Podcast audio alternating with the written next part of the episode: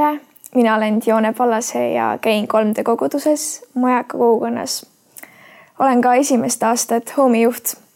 Home on meie koguduse noortetöö, mis on suunatud neile noortele, kes pole kristlased, et tutvustada neile Jumalat ja rõõmusõnumit võimalusest võtta omaks päästev usk Jeesusesse. jüngerdamine on minu elus mänginud väga suurt rolli kui sa pole kristlane, siis võib-olla sinu küsimus on praegu, et mis see tähendab üldse jüngerdamine ja jüngerlus. Jeesuse järgijaid on algusest peale nimetatud jüngriteks. jüngerlus tähendab õppida ise ja õpetada teisi Jeesust järgima. minu jaoks tähendab jüngerdamine kellessegi panustamist, kes tahab teada rohkem Jumalast. olgu see juba keegi, kes on andnud oma elu Jumalale või keegi, kes alles tunneb lihtsalt uudishimu mind on jüngeldatud ning olen saanud ka ise jüngeldada. Olen veendunud, et olen oma usuelus sellises kohas, nagu ma praegu olen, just tänu sellele, et mind on jüngeldatud. see on tegelikult meeletult oluline usuelu osa. seepärast tahan ise teha sedasama ja jüngeldada teisi. seda olen saanud praktiseerida oma sõbrannadega, kes lähevad läbi raskest ajast ja vajavad julgustust kui ka nendega, kes on paar korda kirikus käinud ja kellel on palju küsimusi. Olen kuulnud ja näinud imelisi lugusid, mida Jumal on Home'i keskel teinud. Home on teinud mind oma sõpradega lähedasemaks, soojendanud suhteid vanade tuttavatega ja loonud uusi sõprussidemeid. see noortetöö on puudutanud nende südameid, kes pole kristlased ja avanud nende silmad. ma pole kordagi lahkunud Home'ilt nii et ei võta sealt mingid mõtted ära kaasa. jumal on muutnud südameid. On olnud neid sõbrannasid, kes teevad maha mu usku, kuid nädal aega hiljem tulevad home'ile. ma arvan, et kui keegi julgeb midagi halba kommenteerida usu kohta, siis just tema tegelikult vajabki kuulda kõige rohkem Jumala kohta. järelikult on temas see soov, kuid tal on mingi plokk ees. ma ütleksin, et negatiivne kommentaar on isegi parem kui üks ükskõiksus Home on julgustanud mind olema igapäevakristlane, mitte vaid pühapäevakristlane innustanud, et ma saaksin näidata kõikidele lähedastele oma tegelikku palet ehk oma armastust Jumala vastu. ma olen hakanud isegi tänavatel jagama Jumalast, kuid see julgus pole minus alati olnud. kuigi olen pärit kristlikust perest ja olen nimetanud end kristlaseks terve elu, siis esimesed neliteist aastat ei teadnud seda peaaegu keegi minu sõpradest ma peitsin suurimat osa endast lihtsalt ainult sellepärast, et hirm sai minust võitu. mis siis saab, kui nad teada saavad? äkki nad ei taha enam minuga suhelda? äkki nad arvavad, et ma olen mingi veidrik? Need olid need mõtted, mida ma kahjuks uskusin.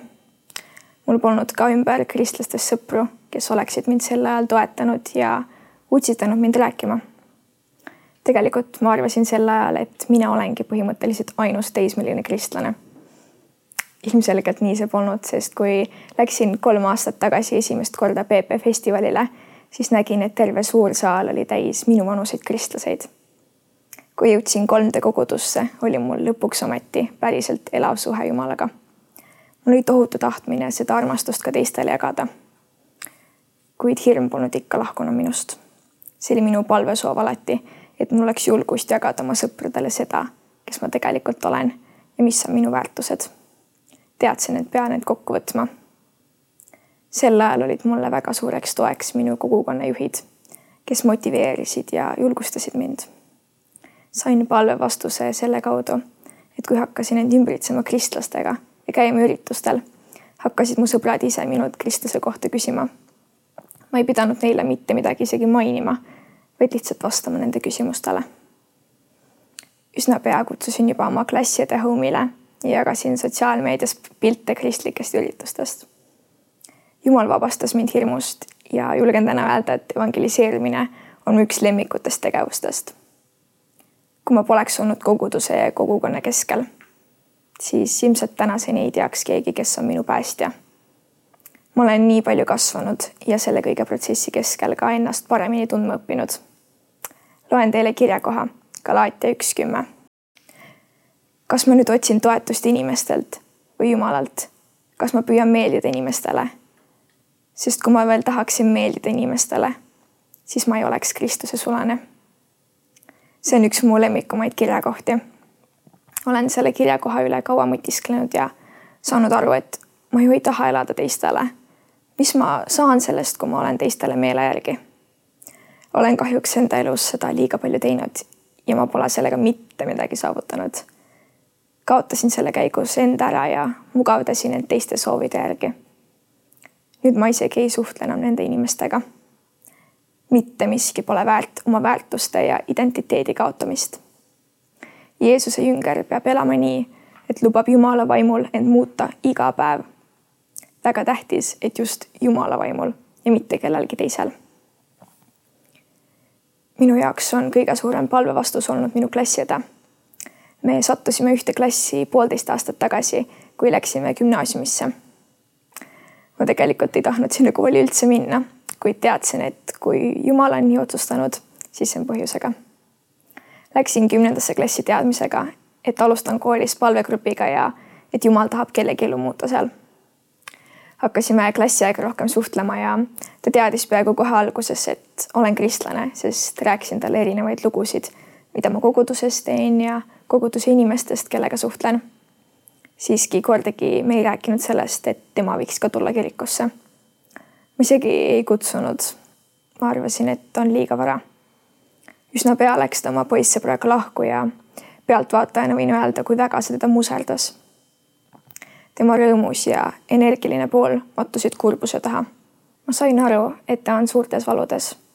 Kahjuks polnud see periood mõni nädal või kuu, vaid see oli palju pikem. ma lõpuks võtsin end kokku ja mõtlesin, et mis mul kaotada on.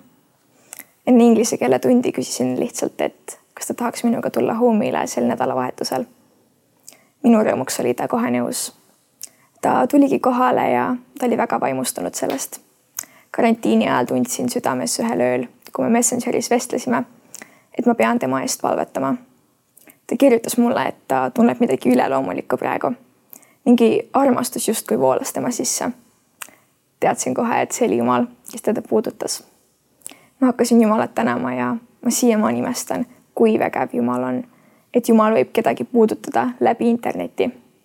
seitse kuud hiljem sai mu klassiõde päästetud ja ristitud 3D koguduse keskel mul oli suur privileeg teda ise ristada. kaks kuud hiljem jagas ta ise oma tunnistust hoomil. Ainult Jumal suudab midagi sellist teha.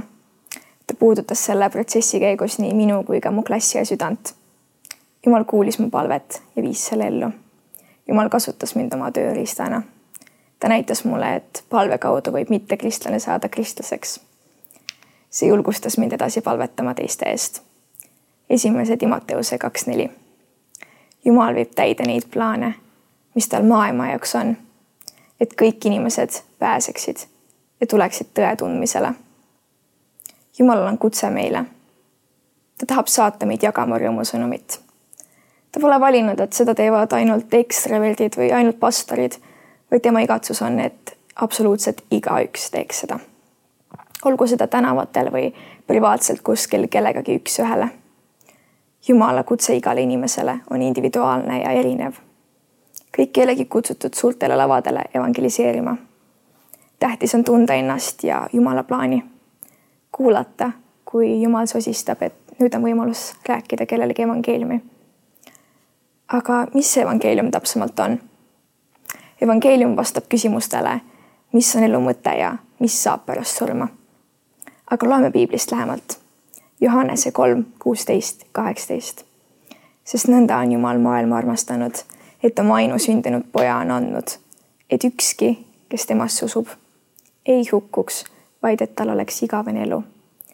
Jumal ei ole ju läkitanud oma poega maailma, et ta kohut mõistaks maailma üle, vaid et maailm tema läbi päästetaks. kes temasse usub, selle üle ei mõisteta kohut ja kes ei usu, selle üle on kohus juba mõistetud sest ta ei ole uskunud Jumala ainusündinud poja nimesse. sellest tuleb rääkida. inimeste elud on kaalul. inimeste igavikud on kaalul. Nemad saavad teha selle otsuse, kas nad soovivad tõde järgida, kuid nad ei saa seda teha, kui keegi ei jaga neile sellest. kui sul on hirm tõe jagamise ees, siis palu Jumalat julgust. see on väga okei asi, mida teha. me oleme inimesed ja hirm poeb alatasa meie sisse. kuid see ei, kuid see ei pea jääma nii Jeesuse Kristuse nimel me saame elada hirmuvaba elu. Jesaja nelikümmend üks, kolmteist. sest mina olen issand, su jumal, kes kinnitab su paremat kätt, kes sulle ütleb, ära karda, mina aitan sind. me pole üksi. igalühel tuleb elus ette keerulisi olukordi, kuid tähtis on see, mida me sellega peale hakkame. kas me hakkame hädaldama ja kartma ja muretsema või hoopis usaldame kõik Jumala kätte. kumb kõlab paremini? usaldamise küsimus on tegelikult see dilemma, millega me tegeleme iga päev. Ilmselgelt tuleb meil lihtsamini kohe lihtsalt endast välja minemine. võime küll teistele et ja alati usalda kõik Jumala kätte. kuid kas me seda ise alati teeme? kas me valime Jumala igal hommikul, kui me ärkame? kas ärkame üles ja mõtleme, et appi nii vara on ja veel nii kohutav päev on tulemas. või hoopis esimese asjana täname Jumalat ja anname selle päeva tema kätte. usaldame teda, et tema parim plaan meie jaoks sünnib. See pole otsus, mille langetame ristimisel või ühel õhtul palvetades. see on otsus, mida me langetame iga päev. mõelge korra selle peale. mina tean küll öelda, et mina iga päev ei tee seda. aga miks? mis hoiab meid tagasi selleks on patune inimloomus, mis vajab uuendamist. me peame sellele vastu võitlema. Jumala usaldamine on vajalik ka jüngeldamises, sest palju keerulisem on julgustada kedagi Jumalat usaldama, kui me tegelikult seda ise ei tee. võrdluseks võib tuua näite, et kui me ei armasta iseennast, siis kuidas peaksid meid ümbritsevad inimesed oskama meid armastada? me ise õpetame teistele, kuidas end armastada kõlab karmilt, aga olen kogenud, et see vastab tõele. siin jällegi toon välja, et hakata kedagi jüngeldama, ei pea selleks olema pastor või keegi, kes on olnud terve elu kristlane või lugenud läbi kogu piibli. Jüngeldada saab ka see inimene, kes on alles hiljuti Jumalaga kohtunud. jüngeldamine on juba see, kui uurida kelleltki, kuidas tal läheb. lihtsalt tal olemasolemine ja kutsuda teda järjepidevalt kogudusse oluline on ka välja selgitada, millises punktis jüngeldatav vaimulikus elus parasjagu on. me kõik saame olla jüngeldajad, juhtides inimesi Jeesuseni. tahaksin lõpetada ühe looga. Ühel ilusal õhtul olin teel metodisti kiriku noortekale ja üks kodutu naine tuli minuga rääkima. tavaliselt esimene mõte oleks olnud muidugi ära kõndida, kuid mõtlesin, et äkki see on Jumala poolt antud võimalus jagada talle rõõmusõnumit. seega jäin teda kuulama ta küsis minult raha, kuid kuna mul oli pangakaart, siis pakkusin, et ostan talle süüa. Läksime siis üheskoos talle süüa ostma ja ta hakkas küsima, et miks ma nii lahke olen. Teadsin, et nüüd on see hetk. rääkisin talle, et minu armastus pärineb Jumalalt.